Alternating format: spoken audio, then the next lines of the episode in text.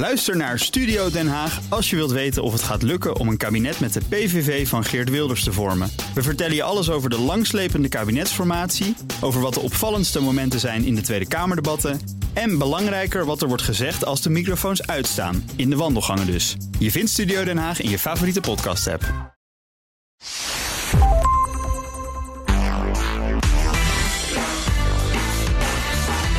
Welkom bij de Ben Tigelaar podcast bij BNR, de podcast over persoonlijk leiderschap. Elke aflevering hebben we een bijzondere gast met inzichten die je helpen om je verder te ontwikkelen in je werk en de rest van je leven. Mijn naam is Ben Tigelaar en mijn gast in deze aflevering is Rick van Baren. Rick, welkom. Oh, fijn hier te zijn, dankjewel. Ja, ik loop even jouw biografie door, want misschien dat niet iedereen precies weet wat je zo in het dagelijks leven doet. Hoogleraar aan, de behavioral, uh, uh, aan het Behavioral Science Institute van de Radboud Universiteit. Dat is eigenlijk het, het, belangrijkste wat je doet, denk ik, of niet? Ja, dat, dat was het belangrijkste. Maar okay. ik ben langzaamaan uh, ook vanwege ondernemen, wat verderop in die lijst staat, wel, wel deeltijd gaan werken daar. Oké, dus hoeveel dagen in de week doe je dit nog? Uh, hoogleraar zijn? Ja. Ja, dat, dat zal op dit moment is dat uh, niet meer dan anderhalf, twee. Oké, okay, ja. En dan begeleid je promovendi en geef je ook nog gewoon les en dat soort dingen? Ik geef uh, een beetje les en ik begeleid vooral promovendi, ja. Oké. Okay. Daarnaast, je zei al, ondernemerschap... ben je mede-eigenaar van het adviesbureau Dijksterhuis en Van Baren... Dat is Ab Dijksterhuis, die ook veel mensen wel kennen. Die uh, ook veel boeken heeft geschreven over gedrag en onbewuste zaken en dat soort dingen. Ja, ja dat is uh, een collega en goede vriend van me. En ja. wij zijn. En, za jaar... en, za en, zakenpartner dus ook. Ja, nog. ja. ja. wij zijn 12, 13 jaar geleden DNB begonnen. Ja, precies. Ja, je houdt je het langer samen vol met dan, uh, dan veel huwelijken, begrijp ik wel, als ik dat zo bekijk. Ja, wij hebben een soort latte relatie natuurlijk. Dus dat helpt. Dat helpt, oké. Okay, ja.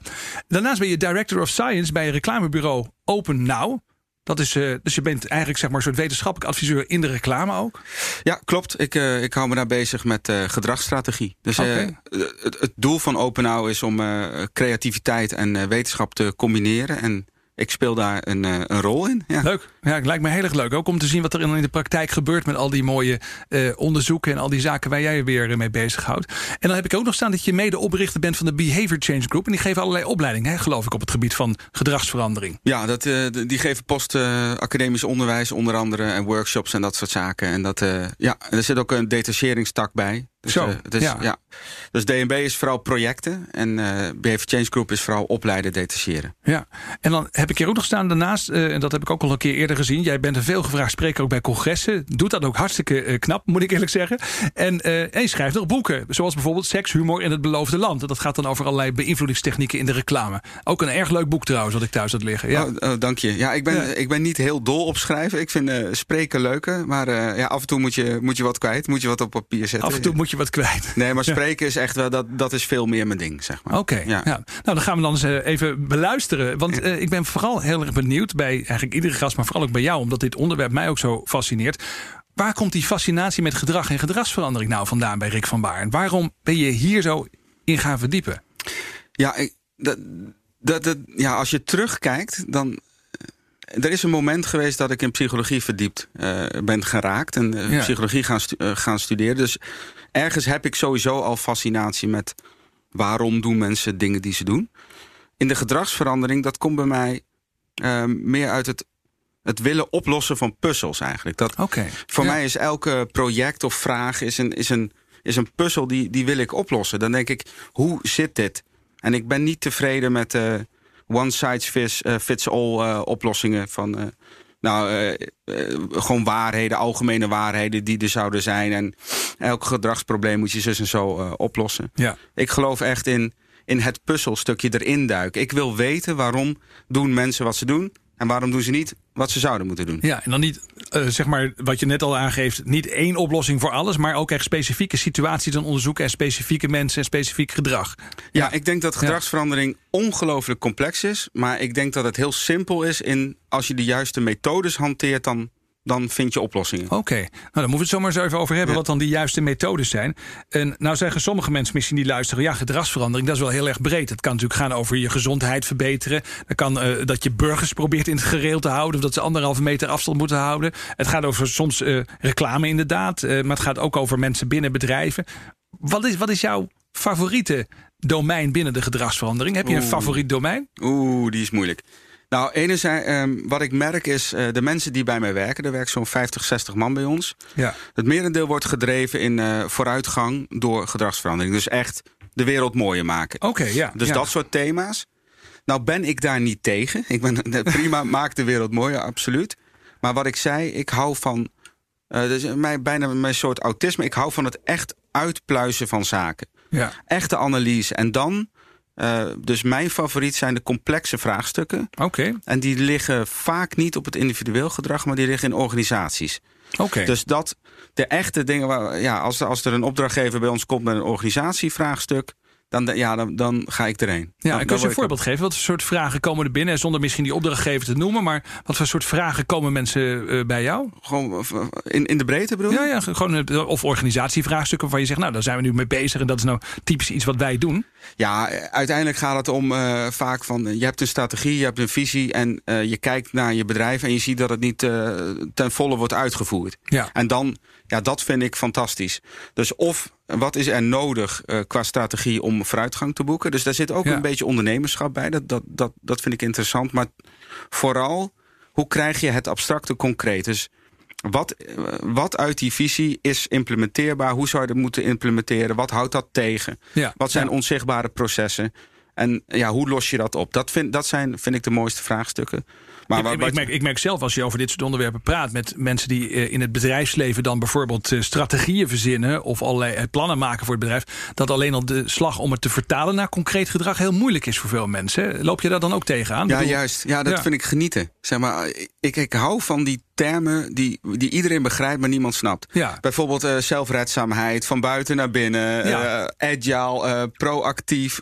Ja, ik, dus, ik, word laatst het ook van. wel zoek de verbinding, zeggen mensen dan ook. En dan Ja. denk ik altijd, "Wat- maar wat bedoel je dan precies? Ja. Ja, en ik snap het wel. Want jij, in mijn optiek, je hebt verschillende manieren waarop hersenen informatie verwerken. En als je hem heel plat slaat, is dat abstract of concreet. Ja. Zeg maar. En je hebt beide nodig voor een goede eh, organisatieverandering. Ja. Dus je moet op abstractieniveau moet je over iets kunnen praten. Ja, en dat wordt nooit tastbaar, maar dat geeft wel richting. En dan gaat het erom, hoe vertaal ik dat naar concreet gedrag? Hoe ziet Ja. dat er concreet uit?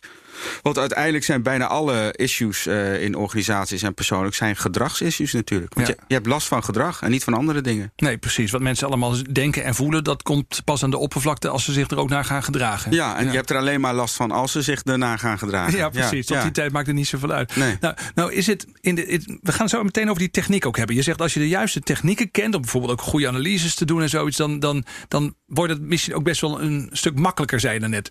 Maar er zijn natuurlijk ook heel veel mythes op dit vakgebied. Hè. Er zijn zoveel ideeën over wat gedrag dan zou sturen en wat niet. Wat zijn nou mythes waar je ook bijvoorbeeld in je advieswerk tegenaan loopt? Dingen die mensen geloven, maar van je weet door onderzoek of dat je, dat je gewoon goed ingelezen bent van ja, dat is gewoon niet waar.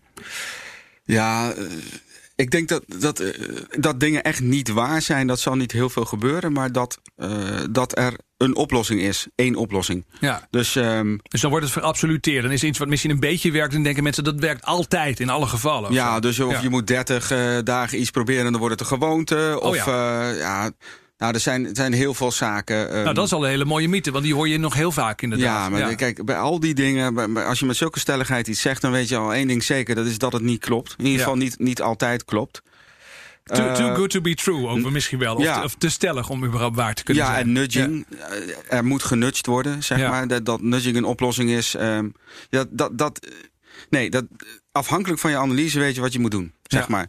En ik denk dat, dat veel partijen uiteindelijk zekerheid zoeken. En, en een maakbaarheid. Psychologie is vervelend omdat het zo complex is.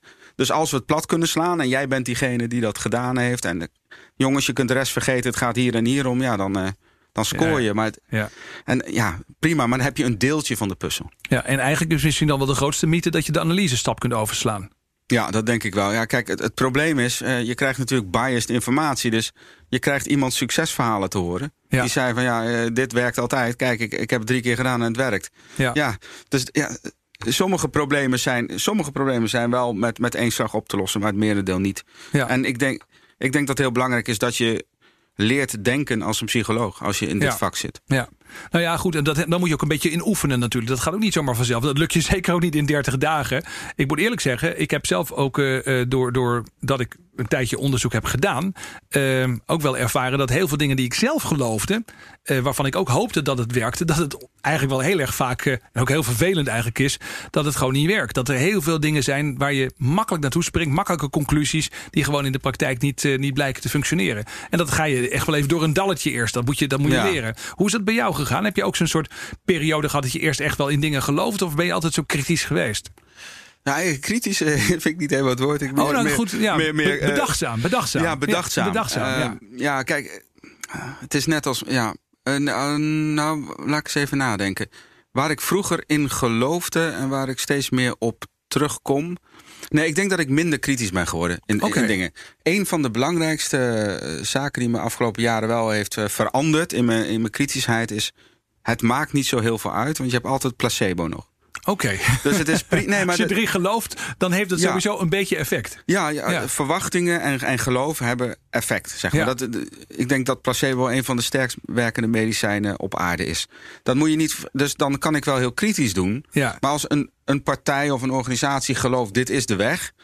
Uiteindelijk krijg je problemen omdat het niet klopt. Maar je, je komt een heel eind. Puur op geloof en vertrouwen.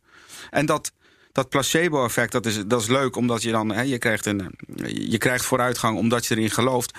Wat mij daar zo in fascineert, is dat de hersenen dus dusdanig werken dat het geloof in iets ja. Uh, groter is dan de werkelijkheid. Ja. Dus in de werkelijkheid zou het niet moeten werken, maar er ontstaan processen in je hoofd omdat je het gelooft. Waardoor het eventjes gaat werken. Nou, dat vind ik echt fascinerend. Ik heb zelfs onderzoeken gezien dat wanneer mensen worden geconfronteerd met wetenschappelijke artikelen waarin wordt betoogd dat de vrije wil wel bestaat, dat ze daarna zeg maar uh, meer gevarieerde keuzes maken dan wanneer ze een artikel lezen waar is dat dat de vrije wil niet bestaat. Ik bedoel, dat is echt fascinerend hoe dat werkt. Ja, ja, ja. Als, je, als je dat uitpluist, heb je zoveel van die klassieke voorbeelden. Hè. Je, je kunt uh, operaties onder uh, placebo. Hè. Dus dat je, dat je denkt dat je geen pijn ervaart en dus geen pijn ervaart. Maar Oké. Ook ja. verwant daaraan, Pygmalion-effect. Dus jouw verwachtingen hebben ook nog niet alleen effect op jou, maar ook op een ander.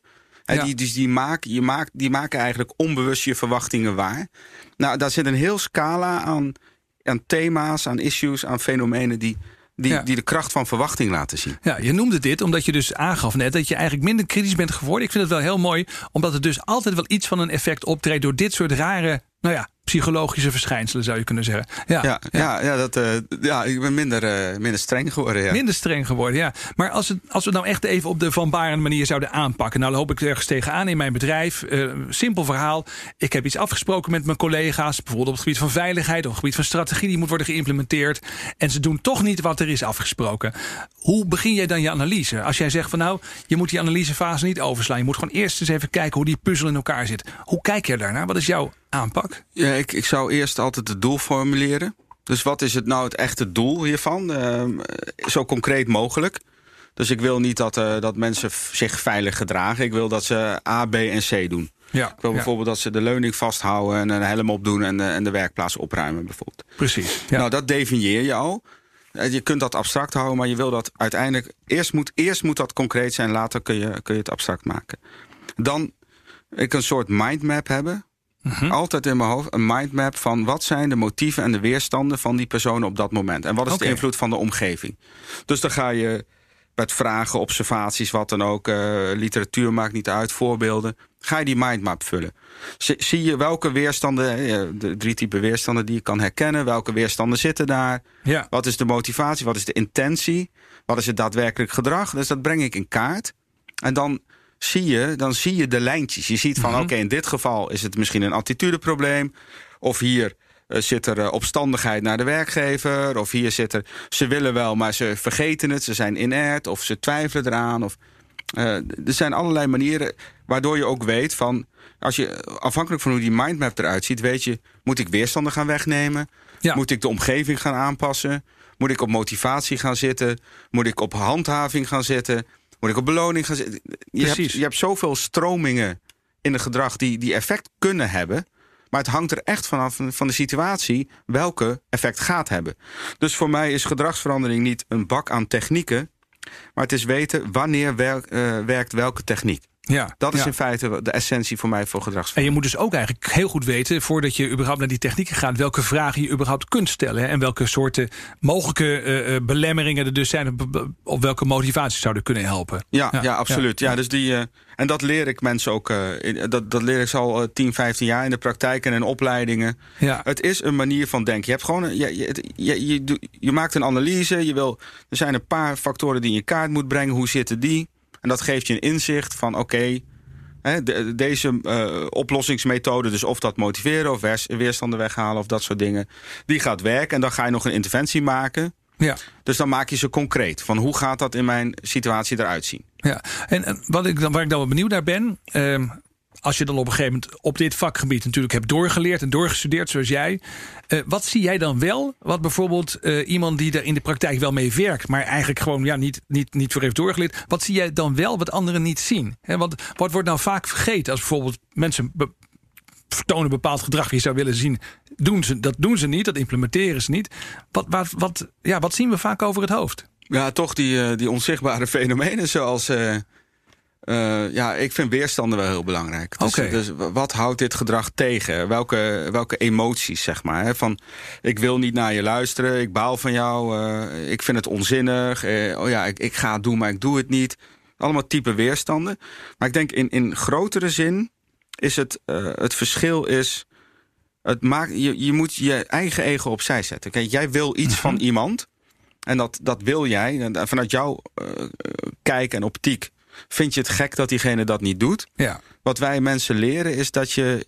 Kijk, het, het wordt heel begrijpelijk als je in het hoofd van die ander duikt. Ja, ja en wat, wat heel veel bestuurders dan denken, ook veel leidinggevende bedrijven denken, we moeten het nog beter uitleggen. Maar dat is, dat is eigenlijk geredeneerd natuurlijk van het idee van ik heb gelijk en zij nog niet. Ze snappen hem nog niet. Maar dat is misschien, dan ga je jezelf dus echt mee in de weg zitten. Jij zegt, je moet veel beter duiken in wat er dus ook echt ook onzichtbaar tussen de oren aan de andere kant speelt. Ja, en als je dat vaak doet, krijg je de expertise in en dan wordt het ook veel sneller. Maar het, dat is gewoon een methodiek, zeg maar, manier van werken. Want ik ben ook overtuigd dat mensen uh, die, die zouden bijvoorbeeld veiligheidsgedrag, ja. dat zouden ze moeten doen. Het is geen, niet per se onwil. Uh, de, als ze het niet vertonen, is daar altijd voor hen een goede reden voor. Uh Er is altijd een goede reden voor. En dan bedoel ik niet een rationele reden per se, maar kan een gebrek aan motivatie zijn, vind ik een goede reden. Ja. Het kan zijn dat ze, dat ze twijfelen, dat ze ergens twijfelen of onzeker zijn, of ze vinden het onhandig, of ze vinden het niet nodig. Kan allemaal. Dat zijn voor hen goede redenen. En dan natuurlijk, wij willen dat zij dat gedrag vertonen. Dus wij raken gefrustreerd en gefrustreerd. Ja, En dan gaan we uitleggen inderdaad. Of we, we, gaan ze belonen, we gaan wat proberen. Maar dat, het gaat om het verplaatsen in die ander. En het klinkt heel heel soft en psychologisch. Maar uiteindelijk is dat wel wat je moet doen. Ja, dus het begint ook met een stuk empathie eigenlijk. Dat je echt ook begrip uh, hebt voor die ander. En, en, bereid bent om dus wat je net zegt, je ego opzij te zetten. Ja, ja, ja maar natuurlijk met mate. Want je moet wel iets bereiken. Maar, ja, precies. Maar als jij gewoon. Kijk, het is ook gewoon. Het is de efficiëntste manier. Je kunt dat, dat kan wel even vervelend voelen. En het, het hoeft ook niet heel uitgebreid. En daar ben je ook niet, niet, niet jaren mee bezig. Maar het is de snelste manier. Ja. Want op het moment dat je... Je kan wel blijven proberen en, en maar boos en gefrustreerder worden dat niet gebeurt. Maar als je gewoon even begrijpt... Kijk, het, het, is het begrijpen van de ander. Je hoeft niet mee te voelen.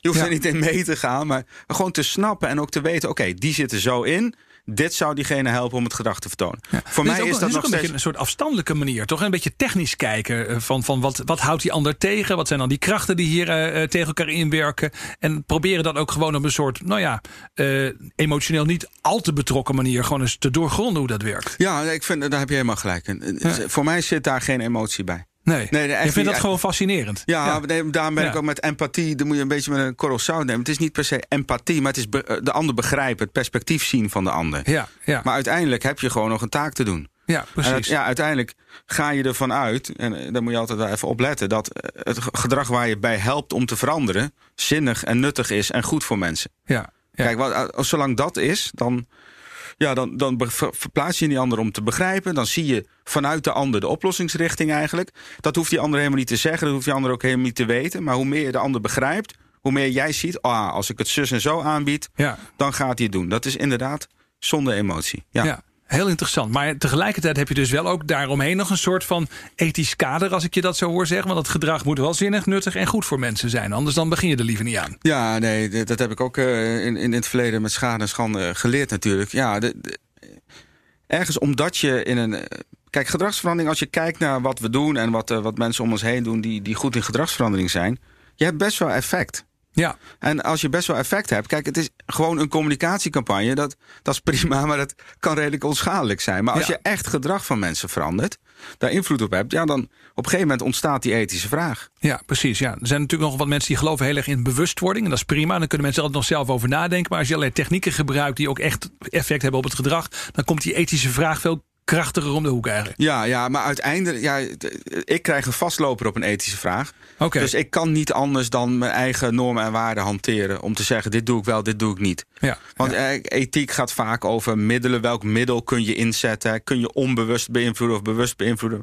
Maar als je daarover door gaat denken, krijg je een vastloper. Dan, ja, want hoezo krijg je daar een vastloper in? Ja, ja wat zijn de alternatieven? En... Um, Kijk, het merendeel van wat men doet is onbewust. Zeg ja, maar. precies. Dus kun je iemand überhaupt beïnvloeden op een manier waarbij dat onbewustzijn geen rol speelt? Ja, nou, dat, dat is bijna onmogelijk. Maar, maar zou je ja. het moeten willen? Zou je Ja. het moeten willen, zeg maar? En waarom je- wil je dat dan? Ja. En dan, kun- dan kun je onbewust mensen eh, helpen om hun doelen te bereiken. Maar dan mag je het niet doen omdat het onbewust is. Ja, dat, maar dan krijg je echt vastlopers. Vertrouw Ja. me, dat, dat, dat, dat wil je helemaal niet hebben. Maar ook welk gedrag, welk eindgedrag, dus eh, welk doelgedrag eh, ehm, in organisaties, maar ook voor personen, is nou goed of slecht? Want uiteindelijk gaat ethiek toch om de vraag wat is goed of slecht. Ja. En dan Ja. gaat het deels om de intentie die je hebt. Hè, welke intentie heb jij als gedragsveranderaar? Wil je, wil je mensen helpen of niet? Wil je organisaties helpen of niet? Dus ja, ik probeer daar. ehm, ik heb wel geleerd om sommige dingen niet te doen die ik eerst wel deed.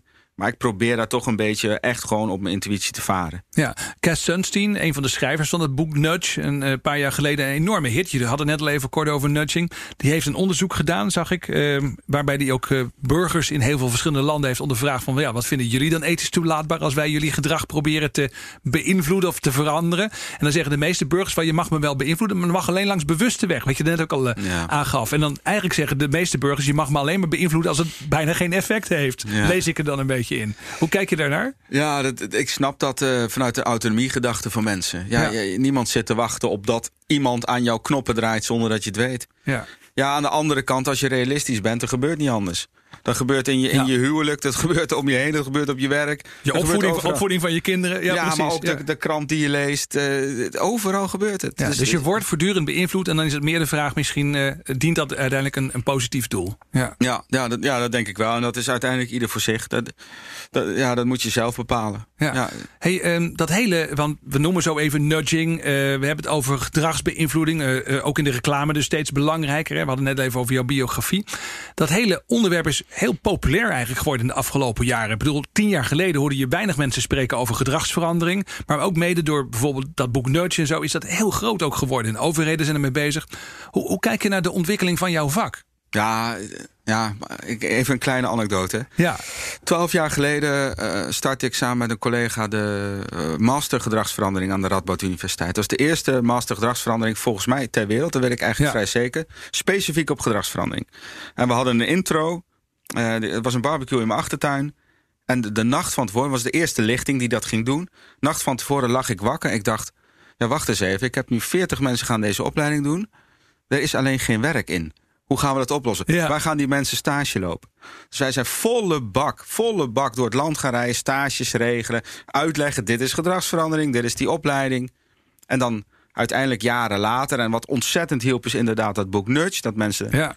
Iets meer eh, eh, verstand van krijgen. Maar je ziet in Nederland, ja, je, je ziet zo'n golf ontstaan dat steeds meer mensen het, het snappen en, en de toegevoegde waarde snappen en begrijpen dat dat gewoon een, ja, een, een, een vakgebied is. ja. En dat vind ik fantastisch om te zien. Dat maakt mijn leven en werk echt een stuk makkelijker. Ja, ja. Want ja, ik lag er wel echt wakker van. Nee, het grappige is, is ook omdat je zo vroeger daarmee was. Als je nu kijkt ook in Nederland, wat zijn nou mensen die hier iets van weten? Dan kom je ook bij jou en bij Ab eh, Dijksterhuis uit. En misschien nog een paar andere collega's. Ook een paar mensen die eerder in deze podcast zijn geweest. Maar ja, dat is toch wel heel grappig. En jullie waren heel vroeg, heel vroeg. Ja, ja. ja, dat, ja dat kwam eigenlijk meer eh, omdat. eh, dat de decaan eh, aan mij vroeg van ja, de, we, we, willen een eenjarige masteropleiding. En daarvoor waren ze allemaal tweejarig. Ja. Heb je nog een idee? Heb je nog een idee? ja. nou, goh, waarom niet? Ja. ja. Hey, um, in deze podcast hebben we het ook vaak over persoonlijk leiderschap. En dat betekent natuurlijk ook dat je je eigen gedrag probeert te sturen. Mhm. Hoe kijk je daar tegenaan? Zijn mensen daar goed in? Om ook uh, zo'n zo mindmap bijvoorbeeld te maken over hun eigen gedrag. Zijn we goed in het doorgronden van ons eigen gedrag en dat dan ook proberen te sturen in een bepaalde richting? Ja, mooi. Dat vind ik, vind ik echt een mooie vraag. Um, ja, of zijn we er goed in? Nou, ja, we zijn, het leren? Of, we zijn er waarschijnlijk notoir niet goed in. Zeg maar, hè? Iedereen herkent, oh ja, dit, oh, dit zou ik moeten. Ah, dit zou ik moeten. Dat, de, de, de goede voornemens uh, tot aan uh, spijt aan het eind van je leven... omdat je niet het leven hebt geleid wat je ja. had willen leiden. Dus als je, als je puur... Ja, dan, dan zijn we er niet super goed in. Maar ik vind het ook wel een, een interessant fenomeen. Dus dat dat je zowel de leider als de volger bent. Er zit, iets, er zit iets dubbels in persoonlijk leiderschap. Van, jij bent de leider, maar wie volgt dan? Jij, jij volgt ook. En, en wat volg je dan? En, dus ja, de filosofisch gezien is het sowieso een heel interessant fenomeen. Maar waar het volgens mij grofweg op neerkomt, is dat je, je kunt op allerlei manieren, je kunt kijken dat je vanuit je, je, je waarden, je values uh, leeft. Hè. Dat zou een van de, van de redenen zijn. Een andere reden zou zijn dat je doet wat je je voorneemt. Ja, dus los van waarden en values, maar ook meer denk, nou, dit gedrag is goed voor mij, uh, hier moet ik meer van doen. Ja, op dat vlak uh, denk ik dat, dat mensen er van nature niet super goed in zijn, omdat het waarschijnlijk dingen zijn die vooral uh, op langere termijn goed, ja. goed voelen. Dus het, wat het zou moeten doen, is het ontstijgen uit, uit de druk van het hier en nu. En die dingen doen die dan ook belangrijk zijn. En die, niet die dingen die urgent zijn. Hè? Als je een beetje de ja, ja, uh, analyse maakt. En ik denk dat we daar we niet zo goed in zijn als we zouden kunnen zijn. Ja, we, on we onderkennen met z'n allen dat zeg maar, de obesitasprobleem steeds groter wordt. En we zijn niet bij machten daar zelf iets aan te doen. Er zijn de tal van problemen in ons leven.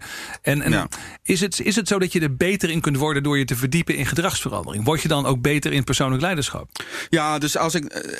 We laten die filosofische discussie wat die is. En we zeggen persoonlijk leiderschap, dat is iets en dat bestaat, zeg maar. Ja. Want ik snap, ik snap wat ermee bedoeld wordt.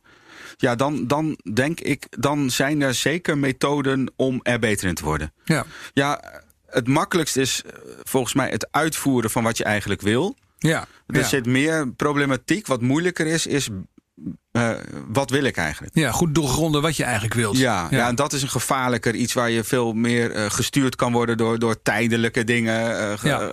dat is natuurlijk ook abstracte, maar op het moment dat je zegt: Ik weet wat ik wil en ik weet wat ik nodig heb, ik moet alleen zorgen dat ik het doe. Ja. ja, dan denk ik dat je daar is veel winst te behalen. Oké, grappig. Ja, ja, ja. Hey, um, benieuwd natuurlijk ook hoe je dat zelf dan toepast. Is het ook zo dat als je hier heel veel van weet en op dat gebied al uh, jarenlang ook les geeft, dat het dan ook beter gaat in je eigen leven, zeg maar, met gedragssturing uh, of gedragsbeïnvloeding? Ja, dat, ja, als ik daar persoonlijk over mag zijn. Um, bij mij is het probleem niet dat ik dingen niet doe. Oké.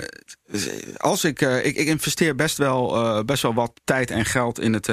in, eigenlijk in die hele zachte kant. Ik ben best wel een harde jongen. Ik ben best hm. wel instrumenteel, uh, direct, uh, analytisch.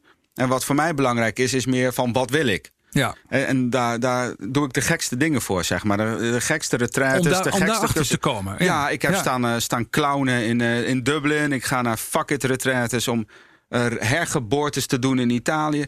Kijk, niet dat ik dat super serieus neem, maar ik ben wel heel benieuwd wat je doet dat met het wel. Je probeert het wel, ja. Ja, ja. ik vind die, die, ja, en ergens geloof ik ook wel, er is een balans. Het is, alles is balans, maar de maakbaarheid en controleerbaarheid van je leven, zul je ook, dat, dat is ten dele oké. Okay. Ten dele is dat oké. Aan de andere kant ook gewoon go with the flow. Wat gebeurt er?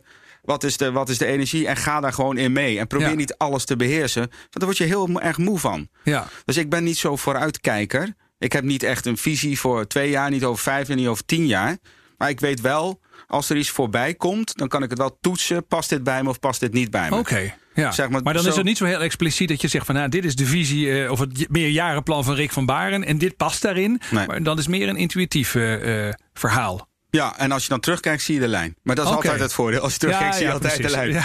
Nee, maar ja, daar heb ik, daar, dat is wel iets waar ik aan gewerkt heb. Van, dat je daar ontspannender in bent. Maar ik denk dat Ja, dat is voor mij. Werkt omdat dat je dan? eigenlijk toch graag wel een soort plan wilde hebben voor je eigen leven. Of voor de eigen toekomst Ja, of zo. ja omdat iedereen had het erover. Wat, wat Ja. is je droom? Je moet, eh, je moet iets doen wat toevoegt. eh, je moet eh, leven vanuit je waarde. Ik denk, wat, wat, wat, wat is mijn waarde? Weet je? Ja. Maar het- ik heb daar gemerkt dat dat allemaal niet zo heel belangrijk is. Oké. Zeg maar, het- het gaat veel meer over hoe je in het hier en nu acteert. Ik vind die lange termijn dingen en, en roepingen en hè, wat, de why van zaken vind ik allemaal niet zo ontzettend interessant. Oh, dat is wel heel grappig. En terwijl hele volkstammen zich ermee bezighouden natuurlijk. Ja, ja, nee, ja dat, dat is zo. Maar ik, ik, ben, ik ben eigenlijk, ik denk dat het, dat het uiteindelijk beter is. Ja, voor mij in ieder geval. Voor anderen moeten zelf Ja. beslissen.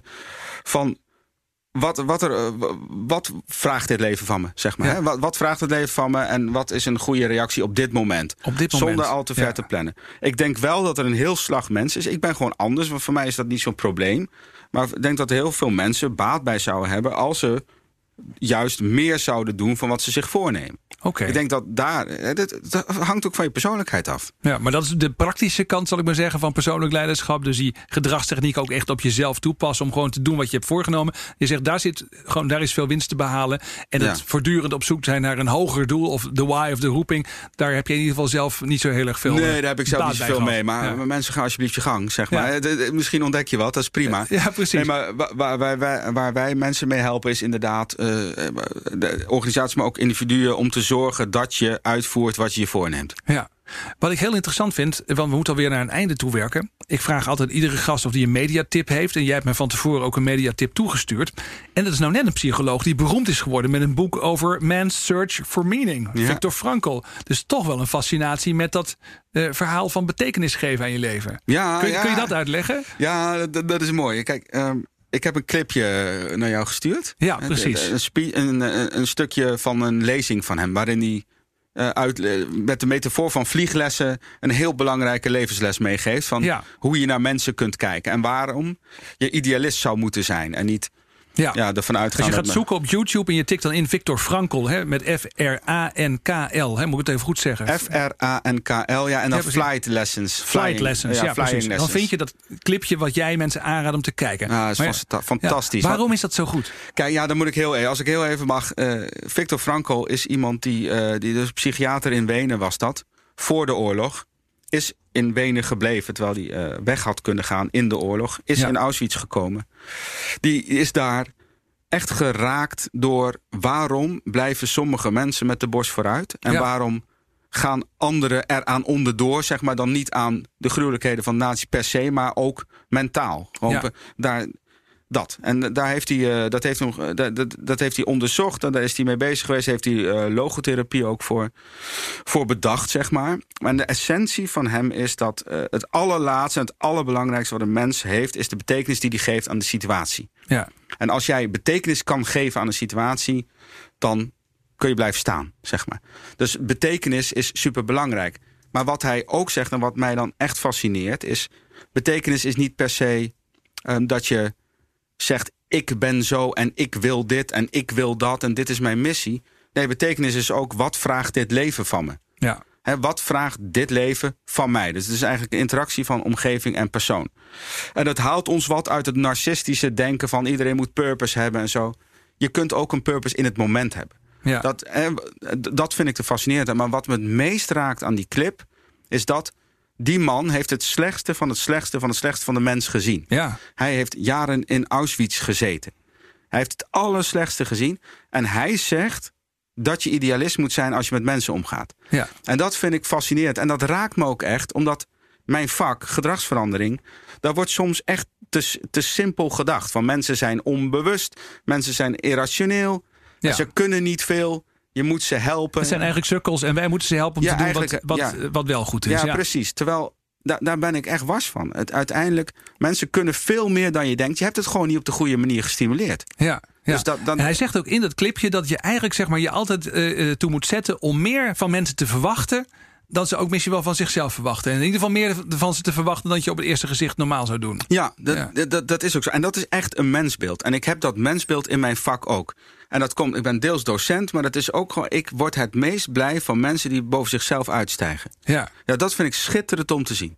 Ja, maar dat is. Je moet ook en, wat is dat dan boven jezelf uitstijgen? Als je, als je dat moet vastpakken of probeert het uit te leggen? Ja, ik denk dat, dat uh, heel veel mensen toch uh, door omgeving en door zichzelf beperkende gedachten hebben. Ja. Van dit is niet aan mij en ik kan dit niet en anderen zijn hier beter in. Ja. Maar, dat, dat, maar die hebben ze dus niet alleen van zichzelf, die hebben wij ook nog weer van die andere mensen. Ja, die hebben wij ook van die andere mensen. En ik denk dat je, als je naar gedragsverandering op dit moment in Nederland kijkt, dan zijn we niks anders aan het doen dan dat in de koppen van mensen ja. te stoppen. Er moet genutst worden, want mensen kunnen het zelf niet oplossen. En, en, en, het is allemaal zo moeilijk. Nee, je doet het gewoon niet goed. Als je, je kunt mensen echt wel op betere manieren stimuleren. En dat, dan halen ze het beste uit zichzelf.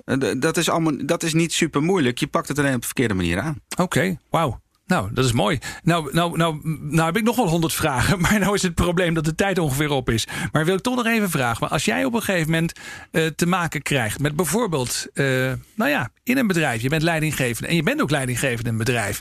En, en je merkt dat je op een gegeven moment denkt, ja, waarom doen ze nou niet? Hebben ze nog steeds niet begrepen? Hè? Dus dan, dan als het ware ook dat automatische negatieve mensbeeld wat je dan kunt ontwikkelen. Wat zeg je dan tegen jezelf en wat doe je dan ook om te zorgen dat je toch weer uh, teruggaan naar die positie die je net eigenlijk verdedigde en noemde. Namelijk dat je echt wilt geloven dat mensen meer kunnen. Dat je ze alleen misschien beter moet helpen. Hoe doe jij dat als je zelf leiding geeft in jouw bedrijf? Ja, als ik in mijn eigen bedrijf, dan zit ik te dicht op. Dus dan weet ik, ik moet van buiten iets halen. Ik moet, eh, ik moet sparren met, ik moet iemand uh, uh, naar binnen halen die, die met me meekijkt. Ja. En ik kan, niet, ik kan daar niet overheen stappen. Ik heb mijn eigen belangen in dat bedrijf. Mijn, mijn hart en mijn ziel zit erin. Dus ik kan dat niet loslaten. Ik heb daar een externe blik nodig. Ja, En dan uiteindelijk in gesprek met iemand die daar goed naar kijkt, dan, uh, dan, kom, dan kom ik er wel uit. Maar ik, ja, ik moet dat niet verwarren. Ja, maar dat is ook een hele interessante. Dat betekent dus dat ook een specialist binnenhalen op dit terrein, op het gebied van psychologie, gedragswetenschap, gedragsverandering, kan je dus ook echt helpen om even over jezelf heen te stappen als leidinggevende of als bestuurder of misschien als nou ja, bewindspersoon misschien ook wel, die heel graag wil dat mensen hun gedrag veranderen en het lukt maar niet. Ja, ik denk dat je voor gedragsverandering is het, uh, wat we in het begin al zeiden, moet je de emotie uitschakelen. Ja, je, moet geen part, je moet geen partij zijn in Precies, ja, ja, ja, mee eens. Ja. Mooi, top. Nou uh, ja, ik vind dat de tijd te kort is, maar goed, aan de andere kant zit er een grens aan elke podcast, dus we gaan hier eindigen. Hey, Rick van Baarn, ik wil je ontzettend danken voor het delen van jouw inzichten met ons. Dank je. Graag gedaan. Dit was de Ben Tichelaar podcast bij BNR met als gast deze keer Rick van Baren. Vond je dit interessant? Dan kun je een paar dingen doen. Deel de podcast met andere mensen, collega's, vrienden. Iedereen die af en toe wel wat inspiratie en kennis kan gebruiken in zijn werk. En check ook de andere afleveringen via bnr.nl of je favoriete podcast app. En abonneer je, want dan hoef je geen aflevering meer te missen. Dank voor het luisteren en tot snel.